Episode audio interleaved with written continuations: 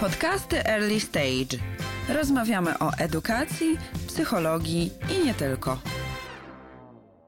Cześć. Ja się nazywam Beata Wysocka i jestem metodyczką główną w Early Stage i dzisiaj zapraszam Was do podcastu o memach. O memach, ale w trochę innym pojęciu myślę niż myślimy. Zobaczmy właściwie, co myślimy, co to może oznaczać mem. I do tego zaproszę Gosię. Najpierw chciałabym, żeby Gosia powiedziała, co to znaczy jej zdaniem, co to są memy. Na przykład załóżmy, ma się dwa pieniążki. I one są takie same. Czyli na przykład mamy, załóżmy dwie złot, y, mamy dwa pieniążki złote. I tam są jedynka na jednym i na drugim jedynka. To jest memo czy nie? Gosia tutaj ewidentnie pomyliła memy z memo, to znaczy może nie pomyliła, po prostu tak rozumie, takie konstruuje w swojej głowie. Jak znam życie, to pewnie większości z nas przychodzi do głowy jednak pojęcie memu jako obrazek z jakimś takim śmiesznym napisem. Ja również nie o tych memach dzisiaj chciałam mówić. Dzisiaj chciałam mówić o takich memach, o których y, pisze Marek Kaczmarzyk w książce Szkoła Memów w stronę dydaktyki ewolucyjnej. Marek Kaczmarzyk stworzył to pojęcie dydaktyki ewolucyjnej i ono jest jeszcze na razie, myślę, robocze z tego, co pisze, ale sama ta dziedzina jest bardzo ciekawa i to, w jaki sposób on tą całą teorię memów tutaj w dydaktyce ewolucyjnej rozwija, e, myślę, jest bardzo ciekawe. No ale zacznijmy od początku. Czym właściwie w takim razie są te memy, o których ja chcę mówić? Kaczmarek wychodzi od mm, takiego znanego człowieka pewnie większości z nas, to jest Richard Dawkins i on napisał taką książkę Samolubny gen. E, jeśli o niej nie słyszeliście, no to ją polecam, bo jest to bardzo ciekawe wyjście do wielu debat i w ogóle sam Dawkins jest bardzo ciekawą postacią. Z nim przeprowadzono bardzo wiele debat. To jest e, bardzo inteligentny gość o bardzo mocnych poglądach wyćwiczony w debatach. Także e, te debaty z nim są po prostu intelektualną taką przyjemnością właśnie co on takiego napisał w tej książce Samolubny Gen. Więc jego głównym założeniem jest to, że człowiek jest tak naprawdę maszyną do reprodukcji genów, czyli takim replikatorem genów. No i o ile możemy się z tym zgadzać lub nie, o tyle w rozdziale 11 e, tej książki Samolubny Gen on e, powołuje się, właściwie tworzy takie pojęcie memu. I tutaj Kaczmarzyk pisze, że jego mem jest kulturowym analogiem genu i ma swoje własne, podobne do genu interesy. I tutaj cytuję. W tym znaczeniu samolubne są także memy. W przestrzeni swojego funkcjonowania tworzą one zbiory, w których poszczególne memy wspierają się wzajemnie, zwiększając swoją zdolność do powielania. Te zbiory muszą być w całości zawarte w konkretnym umyśle, mają charakter systemowy, a należące do nich memy mogą być rozsiane pomiędzy umysłami. No i Dawkins uważa, że kultura jest czymś takim, co właśnie replikuje memy, czyli jakieś takie systemy informacji. I taki zbiór informacji, czyli memotyp, decyduje o aktualnych kompetencjach jego posiadacza. Czyli widzicie, że kultura jest ważna. Kultura w tym znaczeniu również szkoła, bo według y, Dawkinsa szkoła jest środowiskiem społecznym, którego zadaniem jest wybór i wspieranie potencjalnie użytecznych memów i ich zbiorów. E, takim głównym replikatorem jest kultura. E, te memy muszą być e, przekazywane po to, żeby właśnie kompetencje posiadacza zwiększać, no a te kompetencje są ważne do przeżycia. Czyli o ile gen jest na takim poziomie biologicznym, o tyle mem na poziomie umysłowym. Ale myślę, że jeżeli sobie wyobrazicie ten gen, który przeskakuje z człowieka, tak samo możecie sobie wyobrazić ten mem przeskakujący na przykład z umysłu do umysłu. No i ważne jest tutaj też to, co tak bardziej konkretnie na przykład może oznaczać ten mem. Tutaj znowu cytuję za kaczmarzykiem. Umowną jednostką informacji przekazywanej pozagenetycznie e, nazywamy memem. Memami są dowcipy, plotki, melodie, idee, teorie naukowe, przepisy kulinarne, symbole narodowe i religijne. Czyli wszystko, co daje się wyobrębnić i określić jako względnie uchwytną całość. Czyli to nie będzie na przykład jakaś pojedyncza myśl, czy jakiś tam pomysł. To musi być już jakoś, jakąś całością, czymś spójnym. Wszystko to, co można opisać i nazwać używając języka i co może zostać przekazane innym. Nie jest takie wydaje się jakieś takie oczywiste, ale jak już y, to zinternalizujemy i tak sobie pomyślimy o tym, jak to wszystko działa, ta szkoła, nauczyciele, którzy coś tam przekazują, no to to rzeczywiście zaczyna być coraz bardziej widoczne. I w tym sensie ta dydaktyka ewolucyjna jest bardzo ciekawa, bo ona jest, y, tak jak to właśnie Kaczmarczyk mówi, roboczo, taką dziedziną, w której on stara się opisać, y, w jaki sposób te memy są przekazywane, jakimi regułami y, kieruje się szkoła, na przykład jak ułatwić też przekazywanie tych memów, ale, ale jakie też mogą być na przykład zagrożenia. No i ja słuchajcie, w tym podcaście nie będę Wam tutaj przekazywała dokładnie, co się w tej książce dzieje. Oczywiście, jeżeli ktoś jest tym zainteresowany, to odsyłam do tej książki, bo ona jest bardzo ciekawa, napisana przystępnie, jasno, z wieloma przykładami i myślę, że może stanowić naprawdę ciekawą lekturę i taką bardzo rozwijającą. Natomiast ja tutaj po prostu wybrałam kilka rzeczy, które uważam za ciekawe, ewentualnie bardzo ważne na przykład, i na nich się skupię. Mam nadzieję, że to będzie przydatne. Jedną z fajniejszych rzeczy, e, od których wychodzi Kaczmarzyk w tej swojej książce, jest to, że właśnie szkoła, jako takie miejsce, które e, w jakiś sposób reguluje różne mechanizmy, czyli, czyli też to przekazywanie memów, e, jest też miejscem, gdzie panuje jakiś tam zbiór, powiedzmy, że zasad. I on mówi bardzo ciekawą rzecz dotyczącą doświadczenia zawodowego, a mianowicie tego, że doświadczenie zawodowe nauczyciela nie jest zbiorem reguł, gotowych do zastosowania w każdej sytuacji, ale kompetencją do ich tworzenia. Czyli, że my jako dorośli, jako dorośli będący nauczycielami, musimy się nauczyć wypracowywać e, pewne reguły i że one będą się zmieniały i że to jest normalne i że to jest trochę nasza kompetencja. Czyli nie to, że my stosujemy jakieś tam reguły i one mają działać, że my jesteśmy jakimiś takimi rzemieślnikami, tylko bardziej artystami w tym tworzeniu reguł, wypracowywaniu ich. Stąd on mówi o tym, że siłą nauczyciela na przykład jest zdolność właśnie zmiany punktu widzenia, czyli taka elastyczność, gotowość do słuchania, podatność na argumenty, empatia, tolerancja, te wszystkie rzeczy, które, które właśnie stanowią o naszej elastyczności, a nie sztywności w kwestii tych reguł. Kolejny tutaj na przykład ciekawy rozdział dotyczy mowy, czyli w związku z tym, że język oczywiście jest tym sposobem, w jaki przekazujemy te memy i te reguły, to musimy wiedzieć, że jest on ważną kompetencją i musimy wiedzieć na przykład jak mówić, żeby to było dla naszych uczniów pomocne w na przykład w zapamiętywaniu czy w przyswajaniu jakichś nowych umiejętności. I parę takich rzeczy ciekawych, które on mówi, no to na przykład to, że mózg działa tak, że po 10-15 minutach on się tak czy owak wyłącza, więc ważna jest wtedy zmiana. I zmiana to jest na przykład zmiana głosu, e, jakiś śmieszny ruch, klaśnięcie, jakaś dygresja, żarcik, czyli i on to nazywa takim resetem. Czyli co 10-15 minut musimy naszym uczniom zapewniać reset. Inną rzeczą dotyczącą na przykład tego mówienia, która dla mnie na przykład była bardzo ciekawa, jest to, że e, bardzo często, kiedy zauważamy, kiedy na przykład mówimy, ja myślę, że teraz na przykład tak może być, że jak ja mówię, to wy może trochę usypiacie, no i w związku z tym ja mogłabym mieć taką naturalną E, chęć e, tego, żeby na przykład coś zwolnić, powtórzyć jeszcze raz. Tymczasem Kaczmarzyk mówi, że to jest e, właśnie kontrintuicyjne, czy co powinniśmy zrobić, bo powinniśmy właśnie mówić tak szybko, jak to możliwe. I teraz ja się właśnie będę starała mówić tak szybko, jak to możliwe, po to, żebyście troszeczkę swoją uwagę, e, ok, nie jestem w stanie może tego zrobić, no ale słyszycie, jak to działa. I to też niesamowicie, niesamowicie mnie e, zainteresowało i mam nadzieję, że mm, zastosujecie to w swojej pracy od już. Też ciekawa jest ta debata na temat tego, że geny i memy się tak naprawdę przenikają, czyli tutaj widzę tą e, debatę właśnie, czy wychowanie, czy geny. I on wiele razy dotyka tych kwestii, na przykład właśnie kiedy będziemy o płciach mówić, ale to za chwilkę. Natomiast fajną rzeczą jest też to, że on właśnie tutaj bardzo często powołując się na jakieś badania i na y, źródła naukowe, mówi o tym, że całkowite dojrzewanie mózgu kończy się po czterdziestce że to jest ważne, bo myślę, że my często mamy takie, nie wiem jak wy, ale ja na przykład miałam takie przekonanie długi czas, że no mózg to się kształtuje tylko tam, nie wiem, na przykład do 15 czy do 20 roku życia. E, rzeczywiście tak jest, że w e, czasie dojrzewania tam są ogromne zmiany w mózgu on się dopiero stabilizuje około 20, no ale Kaczmarzyk mówi tutaj jasno, że jakby fizjologia i cały rozwój taki mózgu e, bardziej trwały już nie następuje po, po 40.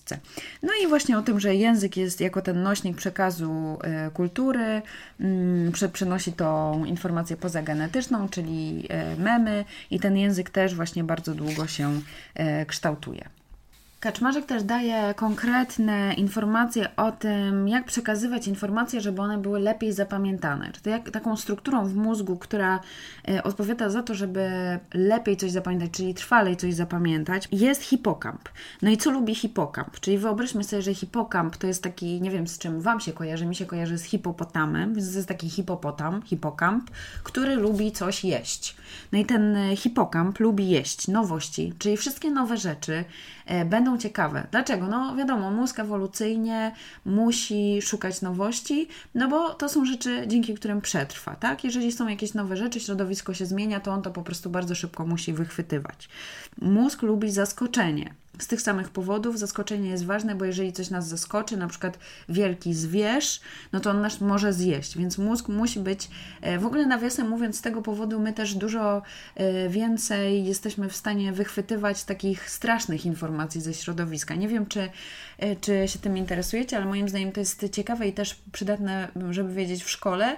Dużo łatwiej jest kogoś przestraszyć, niż na przykład dać mu bezpieczeństwo, a wiemy z wielu innych źródeł, że bezpieczeństwo i relacje Y, emocje są podstawą do tego, żeby się w ogóle uczyć, żeby coś zapamiętywać. No i dlaczego? No, jesteśmy ewolucyjnie stworzeni też do tego, żeby wychwytywać zagrożenia, no bo one bezpośrednio mogą zagrażać naszemu życiu. Tak kiedyś było. Teraz oczywiście tak nie jest, więc mm, ta nasza kora przedczołowa ewoluowała, no i nie chcę Was tutaj zanudzać, ale wiedzmy to, wiedzmy, że o bezpieczeństwo jest dużo trudniej niż o przestraszenie i dbajmy o nie. No dobra, więc wr wróćmy do tego naszego hipokampa. On lubi nowości, zaskoczenia, co lubi jeszcze? Oczywiście historię. Skąd wiemy, że lubi historię? No, zobaczcie, jak e, działają plotki. Plotka to jest po prostu fenomen. Coś powiecie, potem ktoś coś dopasowuje, zmienia, przekręca, po prostu żyje wiecznie z ust do ust, jest przekazywane, to jest po prostu ciekawe. No, dlaczego? No, jest to spójne, jest to ciekawe, bo dotyczy ludzi, e, szczególnie jeżeli to jest o znanych e, nam jakichś tam osobach, no to po prostu dużo lepiej to zapamiętamy, bo w, jesteśmy istotami społecznymi i mózg jest zaprogramowany tak, żeby historie o ludziach, o znanych nam ludziach pamiętać, bo one są ważne do naszego przetrwania. No i co to znaczy? To znaczy, że w naszych lekcjach musimy dbać o to, żeby było sporo nowości, czyli zmian, zaskoczenia, i jak to zrobić, to już sobie dopowiedzcie. Ja myślę, że macie tutaj już bardzo dużo w swoim warsztacie i lubią też historię. Teraz też dużo mówi się w biznesie o storytellingu i różnych takich rzeczach. No to jest po prostu coś takiego, co potrafi porwać mózg, zwiększyć motywację i po prostu sprawić, że coś zapamiętamy. Także zawsze o tym pamiętajcie. To jest mega ważne. Starajmy się to, to wprowadzać w życie. E, ja osobiście bardzo, za bardzo ciekawą uważam, uważam tutaj takie mm, dyskusje na temat tego, jak się, mają, jak się ma płeć ucznia do osiągnięć w szkole. Kaczmarzyk tutaj wychodzi od tej książki Płeć mózgu, co mnie troszkę zdziwiło, dlatego że wydaje mi się, że to jest dosyć stara książka. To znaczy, oczywiście ona jest uaktualniana, ale jednak ona była napisana bardzo dawno temu. No i on tam pisze właśnie, kto jest lepszy w matematyce, kto ma lepsze kompetencje w tym, w tamtym, że na przykład kobiety to są bardziej kompetentne emocjonalnie emocjonalnie, no a mężczyźni mają lepsze predyspozycje, czy tam chłopcy mają lepsze predyspozycje na przykład właśnie do, do matematyki. I już tutaj byłam troszeczkę taka zdziwiona, żeby nie powiedzieć troszkę poddenerwowana tym, że e, ojejku, to jest takie dosyć oczywiste i, i, i, i w sumie wydaje mi się jednak, no nie wiem, czy zgodne z obecnym stanem badań, kiedy właśnie Kaczmarzyk dochodzi do tego, że jest coś takiego jak efekt Pigmaliona, czyli że za różnicę w osiągnięciach odpowiada płeć nauczycieli, a właściwie też przekonania nauczycieli. Na przykład, nie, ja miałam takiego nauczyciela w liceum od fizyki, który uważał, że, y, że dziewczyny są beznadziejne w fizyce, no i że one w ogóle nie są w stanie za dobrze czegoś umieć. I oczywiście są jakieś tam wyjątki, no ale to potwierdza tylko regułę. Guess what? Żadna z dziewczyn w klasie nie miała lepszej oceny niż chyba truja. E, z tej fizyki. I tak naprawdę za to dziękowałyśmy, bo, bo, bo byłyśmy przekonane, że po prostu z tym gościem nie ma sensu. Więc ta motywacja od razu też się obniżyła. To jest świetne, że Kaczmarzyk to zauważa, że, że memy y, opisują w pewien sposób y, kompetencje dotyczące płci i że to jest ukryty program szkoły. I możemy się z tym nie zgadzać lub zgadzać, ale prawda jest taka, że jakie, to, jakie my mamy przekonania na temat tego, co nasi uczniowie będą umieli, w czym będą dobrzy, bardzo wpływa na ich efekty, na efekty ich nauki, na ich osiągnięcia. Czyli jeżeli będziemy skazywać dziewczynki na to, że będą beznadziejne w matematyce, to będą beznadziejne w matematyce. To, jak się kształtują na przykład genotypy, to jest inna sprawa. I może być tak, że genetycznie mają troszkę na przykład e, inne uwarunkowania kobiety od mężczyzn. Natomiast trzeba wiedzieć, że my jesteśmy w stanie sporo tutaj modelować, jakoś tam zmieniać, e, formować i że te przekonania są bardzo odpowiedzialne za efekty naszych uczniów, więc nie, nie zakładajmy, że e, ktoś na przykład jest w czymś kiepski, bo wtedy pewnie okaże się kiepski. Jeszcze jedną taką e, wartościową sprawą, którą porusza Kaczmarzyk, o której chciałabym tu wspomnieć, jest kwestia ocen. I może Was tu zaskoczę, ale Kaczmarzyk mówi e, wprost, że ocena jest po prostu ewolucyjnie konieczna. Teraz nie mówię o ocenie jako o ocenie 1, 2, 3, 4, 5, 6 czy, czy w procentach, tylko jakimkolwiek informacji, jakiejkolwiek informacji zwrotnej dotyczącej tego, jak sobie radzimy. Jak, e, no, w, w tym przypadku tutaj będziemy mówić o tym, jak te memy przyswajamy, czy przekazujemy i tak dalej. Dlaczego właściwie ta ocena jest taka istotna? No, jest istotna dlatego, że jesteśmy właśnie istotami społecznymi i musimy widzieć swoją, y, sw swoje miejsce w hierarchii społecznej.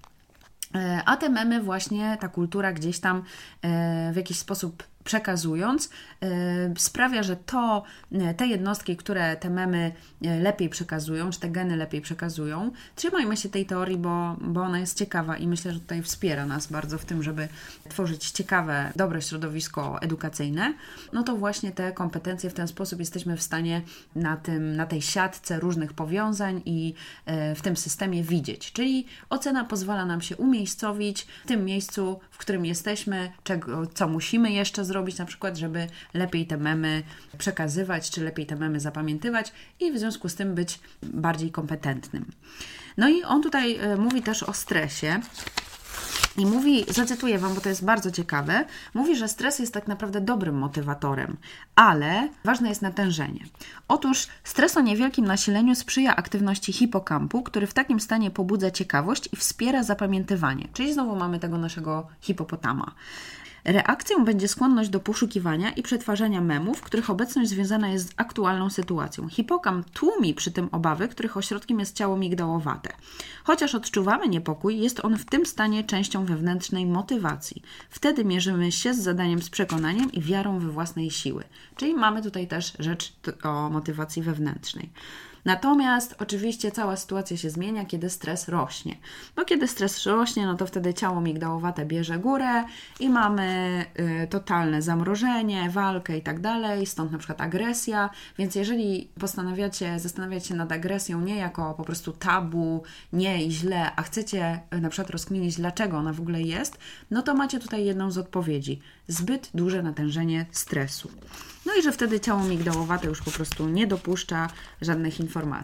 I tutaj e, on też e, wspomina o ściąganiu jako, jako takiej sytuacji, w której tak naprawdę uczeń pokazuje, że jemu zależy na tej ocenie, czyli on ma motywację i że to nie jest takie złe, że oczywiście możemy założyć okulary, tego nie widzieć, czy próbować to e, całkowicie wyplenić, ale to jest trochę niemożliwe, bo to pokazuje po prostu, że jakaś tam informacja może być za trudna, to jest ciekawsze tutaj zastanowienie się, natomiast podstawą jest to, że jednak ściąganie świadczy o tym, że komuś zależy, żeby się tymi kompetencjami wykazać, że ja tak dobrze te informacje przetwarzam i mm, staram się tutaj w tej, e, w tej społecznej strukturze jakoś odnaleźć warto zapamiętać, warto wiedzieć to, że ściąganie jest niezależne od kultury. Czyli według mm, nawet tutaj takich amerykańskich, on wspomina na, na przykład amerykańskie badania, e, ściąganie jest bardzo powszechne i to jest ciekawe, bo, bo właśnie są takie, mm, ja na przykład słyszałam o tym, że w Wielkiej Brytanii to ściąganie to, to w ogóle jest e, rzadkość i że jak się uczniów od razu edukuje, żeby tego nie robili i tak dalej, to tego nie ma. No nie, to jest po prostu silniejsze od nas. I a propos tego silniejsze od nas, no to tutaj e, świetne pojęcie też wirusy umysłu się pojawia. Słuchajcie, wirusy umysłu to są takie, takie memy, których trochę nie chcemy przetwarzać, które infekują mm, ten dobry memotyp czy memplex, y, który, czyli zestaw jakichś tam informacji. Co to są wirusy umysłu? No na przykład chcemy powiedzmy przekazywać e, taki dobry zestaw memów dotyczący bezpiecznej jazdy samochodem. No i to się po prostu od lat nie udaje. Jednak wygrywa ten wirus umysłu, który jest odpowiedzialny za ryzyko, brawurę. Z jakiegoś powodu ewolucyjnie to, to jest bardziej potrzebne. No i właśnie to pokazuje, jak, jak trudno czasami jest te memy, memy przekazywać. Kaczmarzyk jeszcze tutaj mówi o wielu innych rzeczach, na przykład o tym, że właśnie, że zestaw memów jest ważny, że te memy, które przekazujemy, te informacje, które przekazujemy, przekazujemy, powinny być spójne, że jeżeli mem, czyli informa zestaw informacji będzie przekazany bardzo często, no to on oczywiście w pamięci pozostanie jakoś tam jakaś sztywna formułka, ale tak naprawdę aktywność umysł, umysłu będzie niska. Umysł nie będzie zainteresowany tym, co jest nudne i przetwarzanie, przetwarzane cały czas. Jest jeszcze wiele innych ciekawych rzeczy, ale chciałabym Was pozostawić jednak z takim niedosytem, żebyście sobie do tej książki zajrzeli i w tą e, dydaktykę ewolucyjną się wgryźli E, po swojemu. Natomiast myślę, że to, w jaki sposób ta książka się kończy, będzie też bardzo fajnym podsumowaniem tutaj dla tego e, odcinka podcastu. Otóż on mówi o tym, że oczywiście pozostawia nas z niedosytem. Mówi o tym, że tradycyjna, transmisyjna szkoła y, nie może odpowiadać na potrzeby współczesności, dlatego że przede wszystkim sztucznie dobieramy jakieś tam, jakieś tam zestawy informacji, no bo kreujemy memotypy kolejnego pokolenia na podstawie doświadczeń poprzednich pokoleń, czyli nauczyciele z naszego pokolenia przekazują wiedzę, którą my mamy ludziom, którzy są już tak naprawdę następnym pokoleniem. Mówi o tym, że bardzo trudno jest zaplanować tą edukację, ale że ona nie odpowiada tak naprawdę na potrzeby przyszłości i że ważne jest to, żeby nad tym pracować, żeby to e, w jakiś tam sposób zmieniać i przemyśliwać cały czas, rekonstruować. I kończy tym, że różnorodność jest sposobem ochrony tego, co możliwe. Czyli nie trzymajmy się jednego sposobu. Czyli bardzo, ja to rozumiem tak, że bardzo często wybieramy sobie na przykład jakiś tam rodzaj mody, powiedzmy w edukacji, na przykład albo y, jesteśmy tylko za tym, żeby wkuwać wiedzę i fakty, albo z kolei, że w ogóle ta wiedza i fakty nie są potrzebne, że tylko umiejętności, tylko y, myślenie krytyczne, czy tam, nie wiem, jakieś rozwiązywanie problemów. No a tutaj właśnie chodzi o różnorodność. On mówi o różnorodności, ja się z tym bardzo zgadzam, czyli jeżeli jest jakaś nowa teoria, czy nowy trend i tak dalej, to fajnie, stosujmy to, ale im bardziej kolektywnie podejdziemy do tej edukacji, tym myślę, że y, naszym uczniom będzie to bardziej przydatne. I tym pozytywnym akcentem chciałabym zakończyć na dzisiaj. Do usłyszenia w kolejnym podcaście. Cześć! Chcesz zrobić krok do przodu jako lektor, metodyk, właściciel szkoły? Dobrze trafiłeś. Słuchaj naszych podcastów, bierz udział w webinariach i szkoleniach online. Po więcej szczegółów zapraszamy na universe.earlystage.pl. Early Stage, a great place to learn and teach.